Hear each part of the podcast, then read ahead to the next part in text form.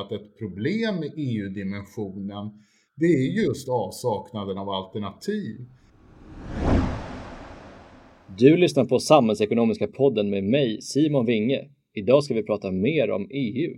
Show me the money. Så hur går en finansiell kris till? 400 000 euro motsvarar ungefär i svenska kronor 40 000 miljarder kronor. Det är lätt att vara populist och stå och lova mycket hit och dit, men eh, du ska få ihop en budget. Många kommuner i Sverige har fått sämre ekonomi. Det går bra för Sverige just nu. Absolut det bäst beska pillret som finns i januariavtalet. He may be sending more to foreign governments than he pays in the United States. Hej och välkomna till Samhällsekonomiska podden som leds av mig, Simon Winge, chefsekonom på Akademikerförbundet SSR. Vår gäst idag är direktör på SIEPS, institutet som ska belysa aktuella Europapolitiska frågor på ett självständigt och aktuellt sätt. Eh, idag spelar vi in den här podden över länk om någon undrar över ljudkvaliteten. Det är ju fortfarande pandemi. Men nog om det och välkommen Göran von Sydow. Tack så mycket. I förra podden pratade vi om specifika förslag inom EU och jag vill fortsätta det här samtalet om unionen och den svenska diskussionen där. Eh, och om man har intresserad av sakpolitik så kan jag verkligen rekommendera din eh, egen podd där Göran, eller Sieps podd, för där borrar ni djupt i liksom enskilda sakfrågor. Men vi ska försöka liksom ha ett litet eh, fågelperspektiv här. Så jag tänkte vi skulle börja i den här diskussionen, eller jag sticker ut hakan och säger den största diskussionen inom EU nu handlar om räddningspaketet och eh, som håller på att sjösättas. Och därför är frågan om, den handlar om stora utgifter. Jag hörde eh, siffran fem gånger Marshallpaketet nämnas i er podd. Men då blir också frågan om intäkter aktuell. Och förra veckan poddade vi om det då med eh, Hanna Eklund som är professor, gästprofessor på Köpenhamns universitet. Eh, så jag tänkte vi ska börja i den sidan, intäktssidan och få kartan på plats. Vilka förslag diskuteras där Göran? I EU och utanför EU men som har bäring på unionen? Ja, tack för det. Nå, traditionellt sett så är det ju så att EUs budget som är också ganska omfattande men ändå bara motsvarar ungefär 1% av BNI. Den finansieras ju med avgifter från medlemsstaterna det är ju en del till varför det är, ofta är ganska svårt att komma överens också om den här eh, budgeten. Därutöver då, precis som du säger, så har man ju också i somras kommit eh, överens om det här återhämtningspaketet och som har den nyheten i sig att man nu gemensamt lånar upp medel. Det har ju inte EU gjort tidigare. Frågan om hur det här ska återbetalas, det finns ju en återbetalningsplan då på 30 års tid för de här upplånade medlen för den här återhämtningsfonden den är fortfarande delvis hängande i luften. För att det samtidigt har ju pågått en diskussion, och som ni hade uppe då i förra veckans podd som du nämner, eh, om eh, hur, eh, huruvida EU kan få ytterligare då, på EU-språk heter det egna medel. Och många översätter ju det i, i, till eh, e EU-beskattning på ett sätt eller annat. Och det där återfinns då i den här uppgörelsen om återhämtningsfonden en, en möjlighet att man ska då utveckla det här systemet genom då att ta in mer egna medel på EU-nivå. Men det har man inte enats om ännu. Så att säga, det är en öppen fråga. Det är ett alternativ att man kan fylla upp det här återbetalningen med hjälp av då olika former och de som diskuteras mycket är ju just beskatt, digital beskattning av ett slag eller annat och sen olika typer av framförallt klimatrelaterade då avgifter. Svårigheten är ju den som det ofta är då i EU-sammanhang när man ska komma överens om någonting som kräver enhällighet. Det är ju att alla ska enas om det helt enkelt för att det ska bli verklighet. Blir man inte överens och inte går framåt på det här området, ja då kommer den här återhämtningsfonden och upplåningen eh, behöva betalas med avgifter från medlemsstaterna. Och det är man väl ganska osugen på i allmänhet? Alltså det här borde, driver inte det här på intäktssidan? Eller är det en förhastad slutsats? Jag tror nog delvis både det driver på det. Eh, sen så har det funnits ett allmänt driv just många som under lång tid egentligen argumenterat för en bättre då intäktssida av flera skäl egentligen. Dels så handlar det ju om områden som är svåra att beskatta var och en för sig. Alltså sånt som är genuint gränsöverskridande och där enskilda medlemsstater har svårt att ensidigt införa en skatt eller höja en skattenivå för att man är rädd för att det då ger konkurrensnackdelar. Eh, så att det är ju en drivkraft som har funnits där tidigare. Eh, men sen tillkommer ju det här då som du säger i förhållande till fonden så, så kan det ju bli ett argument att ingen medlemsstat, och allra minst kanske de som har en stor, är så kallad nettobetalare som betalar mycket för EUs utgifter, vill ju inte se gärna höjda avgifter för det blir ju pålagor så att säga på nationella, ja, på, på skattebetalarna i vart och ett av medlemsländerna. EU, EU-beskattning då, eller avgifter, det är ju möjligt, de skulle ju också så att säga kunna belasta eh, medborgarna eller eh, medlemsstater eller företag eller annat på, som också blir liksom ojämnt fördelat beroende på hur det ser ut och vilket välstånd man har och sånt där. Så att det är ju inte så att bara för att man inför avgifter som går direkt till EU så är det inte så att det automatiskt så att säga försvinner eh, en ekonomisk börda som drabbar vissa medlemsstater. Så att eh, därför finns det ju fortfarande kvar en sån här eh, Eh, misstänksamhet från vissa om att det här kanske inte, det liksom avhjälper ju inte det här problemet att vissa eh, länder helt enkelt betalar mycket till EUs budget. Men för de förslag som ligger, det, det är både inom EU men också OECD pratar ju mycket om det här och har gjort det i några år och sådär. Hur hänger allt det här ihop? För att skatter har plötsligt börjat diskuteras på ett nytt sätt eh, som jag ser det. Ja, men det är ju framför allt, jag skulle säga att det område där OECD eh, och där OECD-nivån har varit mest aktuell, det handlar ju om det här med digital eller databeskattning. Och det har ju att göra med dels den sektorns väldigt stora eh, ökning. Jag menar, ser man på de allra största globala företagen idag så är ju de några helt andra än bara för 10-20 år sedan. Det vill säga att hela den digitalisering som pågår och den eh, alstring så att säga av resurser som samlas i vissa stora, eh, företrädesvis då amerikanska företag som verkar helt globalt och där det också är svårt att identifiera vilken skatte eh, eh, här, vad man ska härleda ner de här skatterna i sådana rörlig då i den digitala världen så har det drivit på idén här för att eh, att man behöver göra någonting på gemensam internationell nivå.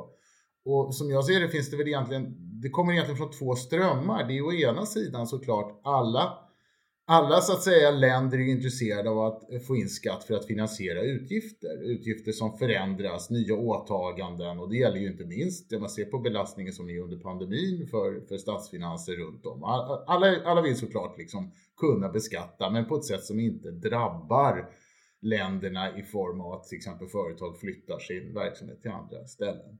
Men sen är det också en annan drivkraft. Det är ju viljan att det ska finnas eh, konkurrensneutralitet. Det vill säga att de digitala företagen konkurrerar ju också med andra typer av verksamheter som har annan, eh, andra nivåer på sin beskattning. Alltså lite förenklat så kan man väl säga att om man köper väldigt mycket böcker på en viss digital tjänst och inte går till sin, och inte går till sin bokhandel och bokhandeln har en viss typ av, ingår i ett visst skattesystem där det är vissa skattenivåer medan den här digitala tjänsten som, som också säljer böcker eller annat har en mycket lägre beskattning så blir ju det en så att säga o, eh, en um, ojämn konkurrensspelplan. Så att det är ju den andra drivkraften som man kanske inte hör så mycket om i den svenska debatten men som finns ju i, i andra länder helt klart. Att det vill säga det här måste regleras på något sätt och då behöver man reglera det på internationell nivå. Att det har blivit OECD som man har försökt hitta, att nu har man något som kallas för ett inklusivt ramverk där man försöker komma överens så många som möjligt. Ja, det ligger ju också i själva logiken att det gäller att hamna på den nivån där man får maximal leverans för de eh, eh skattenivåer man enas om. Helt enkelt att stor del av världsekonomin ska helst ligga på samma nivå för annars finns det en risk att man eh, konkurrerar återigen eller att man, eh, man eh, tappar möjligheter som, eh, som ges av att vissa länder då tar vissa, vidtar vissa åtgärder medan andra inte gör det. För du, samtidigt, det du säger är också att vissa av de här skatterna går inte att ta ut på nationalstatsnivå, eller hur? Det, du pratar både om de här digitala skatterna och miljöskatterna. Kan Sverige ta ut dem ensamma?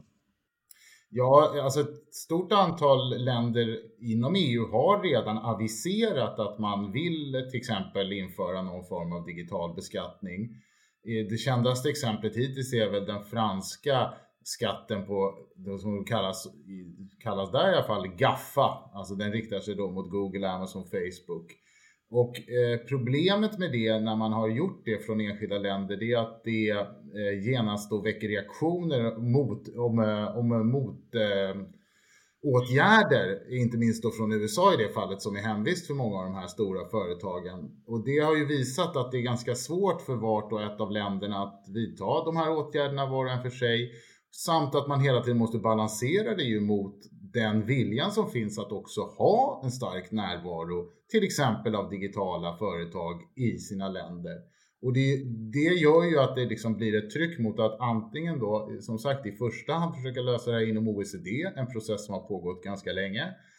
Och gör man inte det så har ju EU då, eh, EU-kommissionen sagt att man ska gå fram med ett förslag här senare under året om att ta fram en sån här digital avgift som ska tas ut några år senare.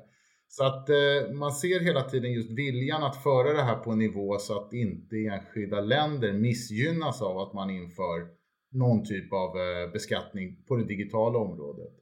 När det gäller eh, klimatfrågor så är det ju egentligen lite samma logik som jag uppfattar diskussionen att ju högre, ju större nivå, allra helst då globala nivåer, är ju allra bäst eh, för att reglera de här och i andra hand så får man då eh, sänka sig ner till andra, andra lite lägre nivåer.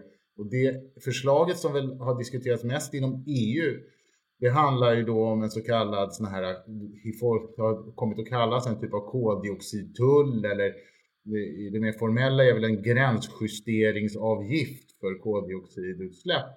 Och det är ju då för att man ska inte, miss, man ska inte gynna så att säga produkter som kommer från länder som har eh, mindre eh, strama regler eller beskattning när det gäller eh, koldioxidutsläpp och miljöfrågor ska inte ha då en konkurrensfördel in på den europeiska marknaden.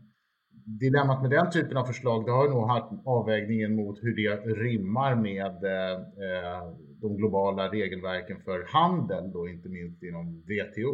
Men för det Sverige har argumenterat i de här sammanhangen som land då är att vi har en princip om att beskattningsrätt ska vara nationell. Så det är så vi har argumenterat mycket. Hur ser du på den eh, principen? Ja, men den är inte, inte bara i Sverige utan den finns ganska närvarande och, och i många sammanhang. Och det är ju liksom idén om att beskattning är ju ett väldigt stort och jag menar, ett viktigt, en viktig sak man så att säga kräver av medborgare eller företag eh, som är kopplat till någon typ av relation med staten och inte minst i form av att det är här demokratin fortfarande vilar. Så att den som tar ut skatt ska också kunna hållas ansvarig. Alltså idén om att makt och ansvar på något sätt ska finnas på, i någon symmetri.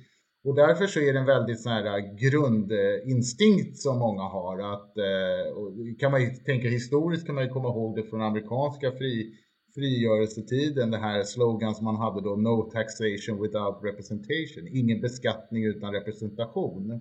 Och det där har anförts då som ett argument till att EU inte är helt rätt arena för beskattning för att det inte heller är en, det är inte en stat och det är inte en fullfjädrad demokrati.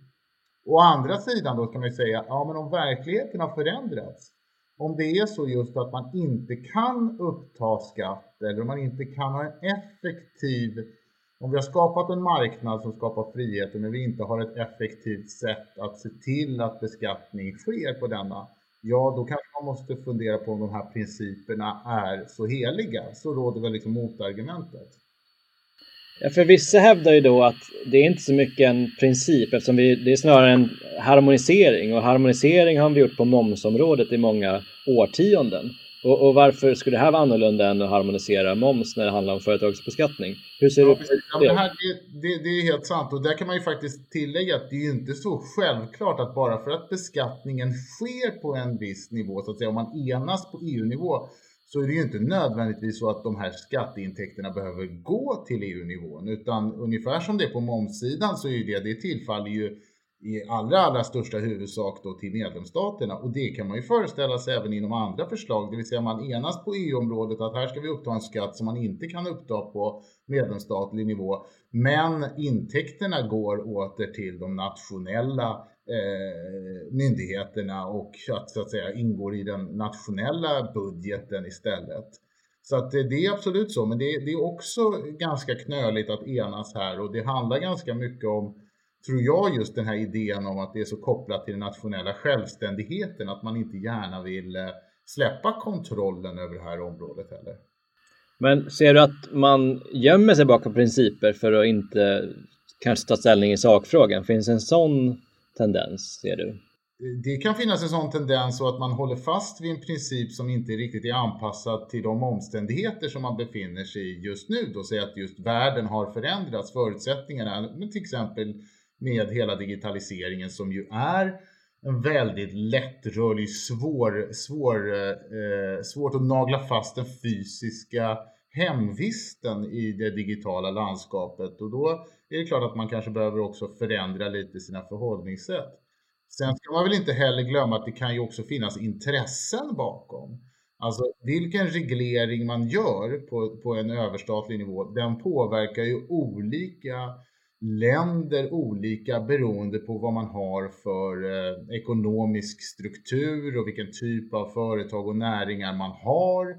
Så att det ju, kan ju också ha betydelse helt enkelt för hur ett land eh, ställer sig till de här frågorna generellt sett. Men om du ska vara lite mer specifik, vad, vilket typ av land skulle förlora på det? Skulle Sverige vara en förlorare på de initiativ som ligger nu till exempel? det kan det bero på hur, hur de utformas, men det har ju typiskt varit så när man har sett den här tendensen till att man har en race to the bottom pratar man ju om ibland, att vissa länder erbjuder mycket generösa villkor för att stora företag ska etablera delar av sin verksamhet i sina länder. Ett sådant exempel som vi ofta varit uppe handlar ju om Irland som har just haft försökt att liksom attrahera då typiskt sett stora digitala företag. Och det är klart att ett sådant land skulle drabbas om man eh, så att säga både jämnar ut kanske eller då framförallt sätter högre nivåer för dem eh, istället för att ha den fördel som finns. I Sveriges fall har vi också försökt att attrahera den här typen av företag och ha många egna företag. Så det beror på hur den utformas. Till exempel om en digital skatt som har diskuterats skulle vara baserad på omsättning eller om det är eh, vinst. Det har stor betydelse för, för till exempel om man vill skapa, ha digitala startups som har varit mycket intressant i Sverige till exempel. Just det, och de detaljerna är inte, det är inte klart än i något av förslagen, stämmer det? Det är inte riktigt klart så vitt jag vet i alla fall. Det finns ju säkert mycket utarbet, mer utarbetat än vad som hittills är känt också i och med att man aviserat att de här förslagen ska komma här eh, redan under första halvåret 2021.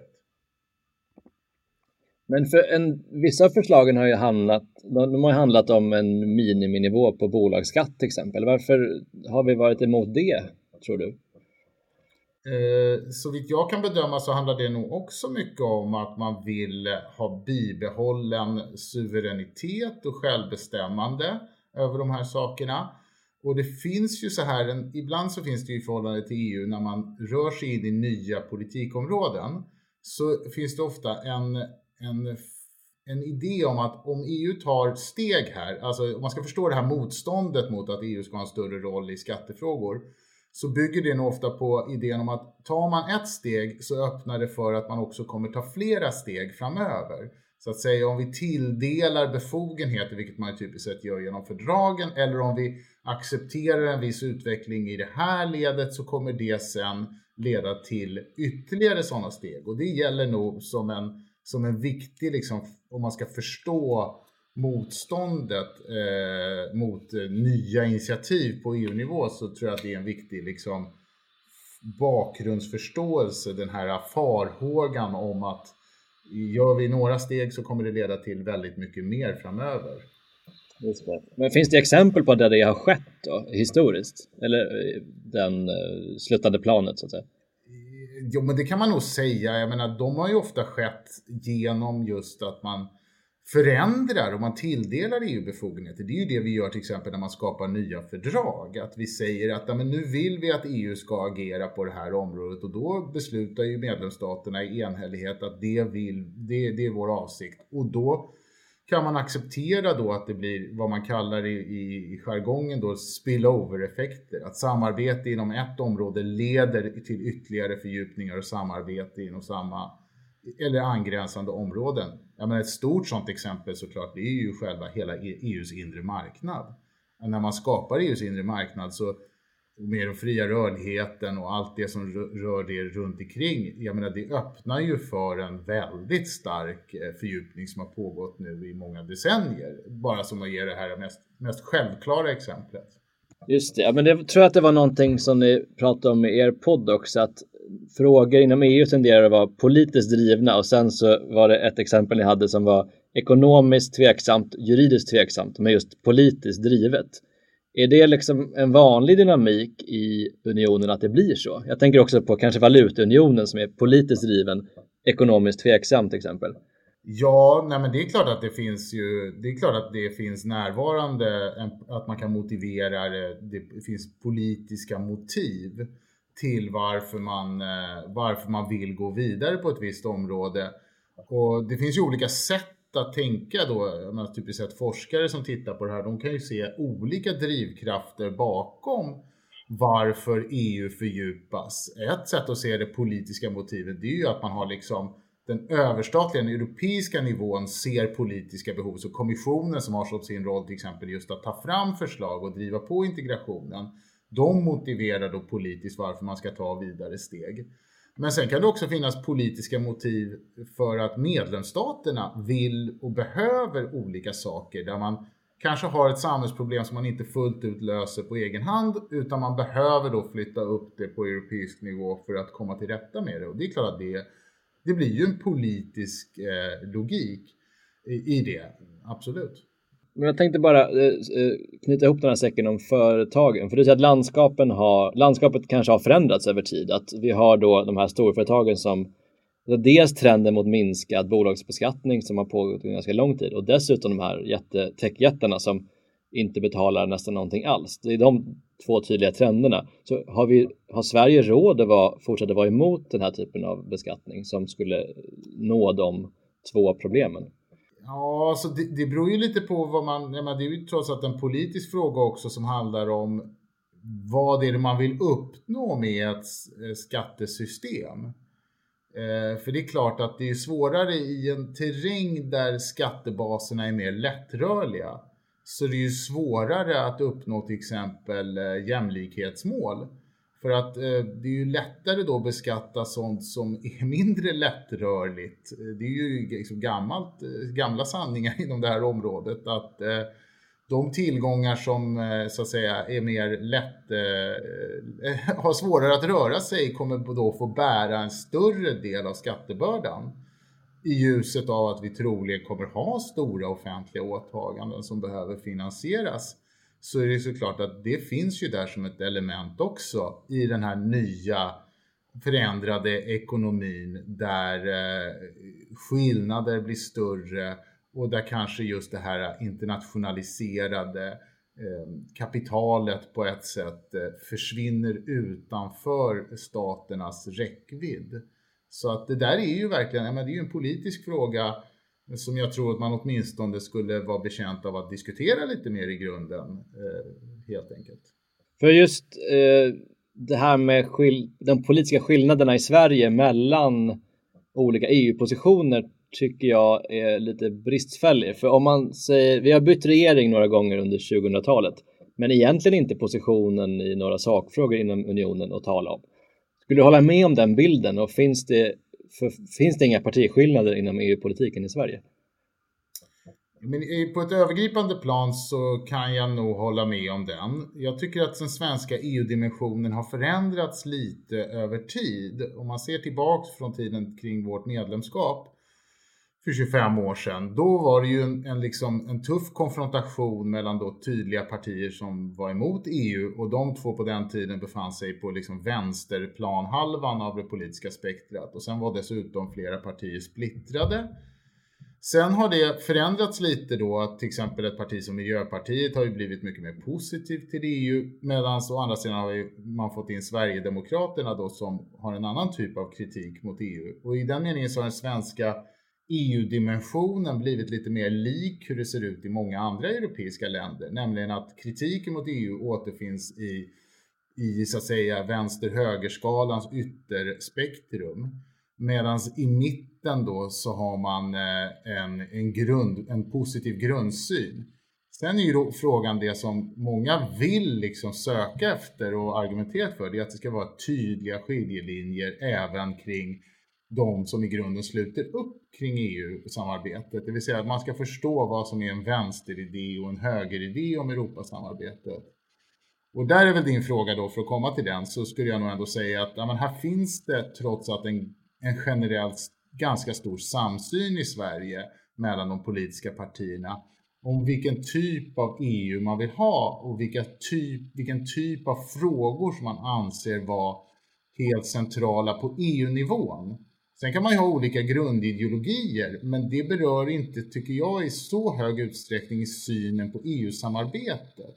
Utan lyssnar man på en svensk partiledare, en, en debatt i riksdagen om EU-frågor, så ser man att ja, det är ungefär samma frågor man lyfter fram. En fungerande inre marknad, en, en ambitiös miljöpolitik, klimatpolitik på EU-nivå, inte för stor budget och inte ytterligare nya liksom, kompetenser eller nytt ansvar för EU.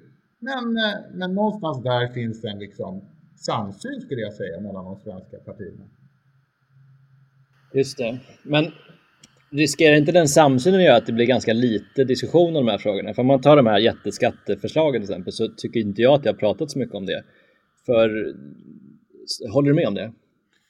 Jo, men det, det, kan jag absolut hålla med om. Samtidigt så är det klart att man, om man ska förstå varför det är så, så är det klart att vi, vi kanske har en...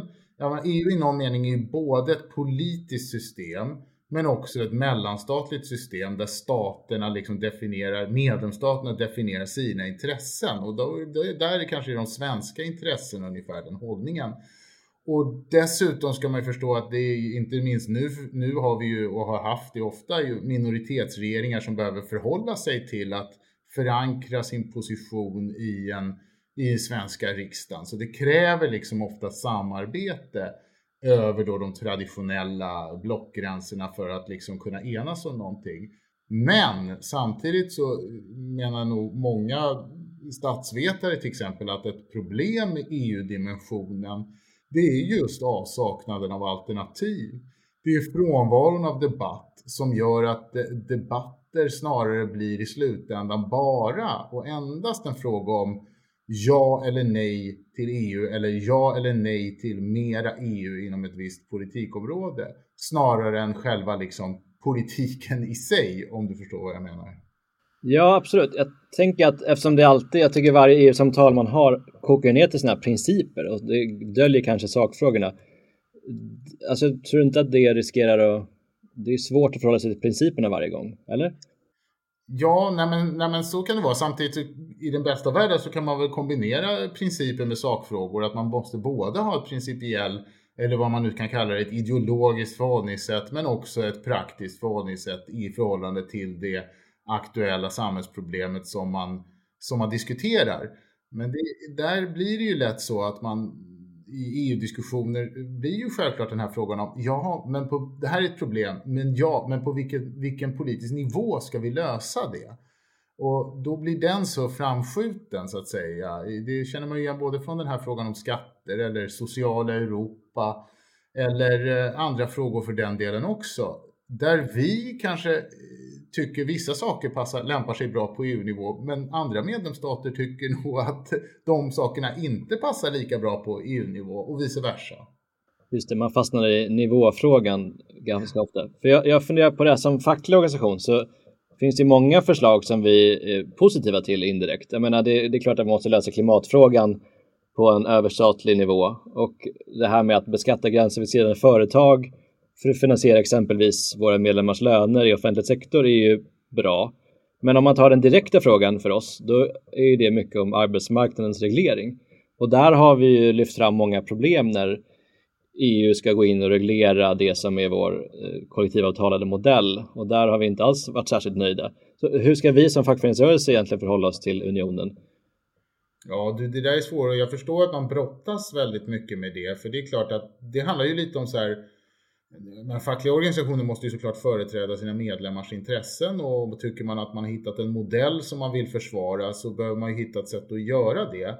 Och det där tror jag, tycker jag pekar på en annan generell frågeställning inom EU som man brukar eh, kan kalla för liksom vilken passform länderna och ländernas system har till vissa regleringar. För att jag menar, EU, om man ska se det i större, liksom lite utzoomat, så handlar det ju om att skapa regler som ska fungera i en väldigt heterogen union där ländernas förutsättningar är väldigt olika. Ekonomiska välståndsnivåer eller för den delen hur arbetsmarknaden är organiserad. Och eftersom vi här har en annorlunda modell som ni parter är väldigt måna om att bevara, ja då är det klart att då blir det liksom en en ofrånkomlig spänning när man då samtidigt ska gå fram till exempel med direktiv på, på minimilönefrågan och sånt där. Så att eh, jag skulle vilja anse att jag menar, ett, ett, sätt att förhålla sig till det, det är såklart att man måste vaktslå och uppmärksamma när någonting kommer som initiativ från EU som inte funkar här på marken. Men samtidigt då försöka intressera sig för det problem som man försöker lösa genom en sån här reglering och se om man inte möjligtvis kan hitta ett annat sätt som får samma effekter, samma, eh, samma eh, positiva effekter då, men utan att ha de negativa för Sveriges del. Ja, det låter ju som en väldigt optimistisk, eh, optimistisk sätt att försöka lösa det här, men jag tror att det, det borde väl vara ungefär den, den väg man kan försöka få på. För, för jag tror en rädsla som ibland uttrycks är att Eh, det här ska hamna i EU-domstolen, frågan om minimilöner, att man ska, det ska bli liksom ett juridik av det. För det är ju många EU-frågor som tenderar att göra det och vi har kallat det för juridifiering av vad som i grunden är kanske politiska frågor många gånger. Och då är min fråga om, eh, det, det blir en avslutande fråga, om du tror att är det här naturlag att, att politik tenderar att bli juridik i unionen eller går det att undvika Ja, nej men bra. Alltså jag skulle säga för det första, vi har sett en tendens till juridifiering, inte bara inom EU utan även eh, nationellt. Det är en tendens som har gått under ett antal decennier och, och även genom den internationella, internationella regleringar som styr det här. En nyckel till varför saker hamnar till exempel i EU-domstolen, det är ju att man i avsaknad av beslut som eh, reglerar ett visst område eftersom man inte kan komma överens. Alltså om inte medlemsstaterna kan enas om lagstiftning inom ett visst område så kommer man hamna i eh, EU-domstolen med större sannolikhet. Så att, eh, och det där pekar just inte minst på det här säg, sociala området. Alltså EU har varit ganska effektivt på det vi kallar för negativ integration, alltså det vill säga ta bort handelshinder och så vidare. Men det har varit svårare att komma överens på det man kallar positiv integration, alltså hur reglerar man marknader då? Och i avsaknad av den typen av beslut, ja, då blir det lätt att man eh, måste pröva saken i EU-domstolen och EU-domstolen har ju en enormt viktig roll och har haft en väldigt viktig roll och är ju någonting lite annorlunda och ovant för en svensk kontext där vi inte har samma rättstradition med samma roll för domstolarna. Så att det där eh, tror jag att den kommer ligga kvar den här möjligheten att till slut hamnar man i EU-domstolen för att det finns oklarheter som behöver redas ut. Samtidigt så skulle jag väl ändå säga, och Lavaldomen ligger ju där såklart som en, ett minne. Samtidigt kan jag väl säga att mitt intryck är väl lite att EU-domstolen också har försökt sig på att kanske vara något mer, hur ska man uttrycka det, eh, receptiv eller känslig inför den, just denna politiska roll man har kommit att få och kanske försöker vara lite mer lyhörd i, i förhållande till dessa politiska konsekvenser än man historiskt har varit. Just det, det får bli några optimistiska slutord där. Och det var allt från Samhällsekonomiska podden idag. Vi tar oss an de stora samhällsfrågorna med både ekonomisk och facklig utgångspunkt. Samhällsekonomiska podden görs av Akademikerförbundet SSR som är Sveriges ledande samhällsvetarförbund.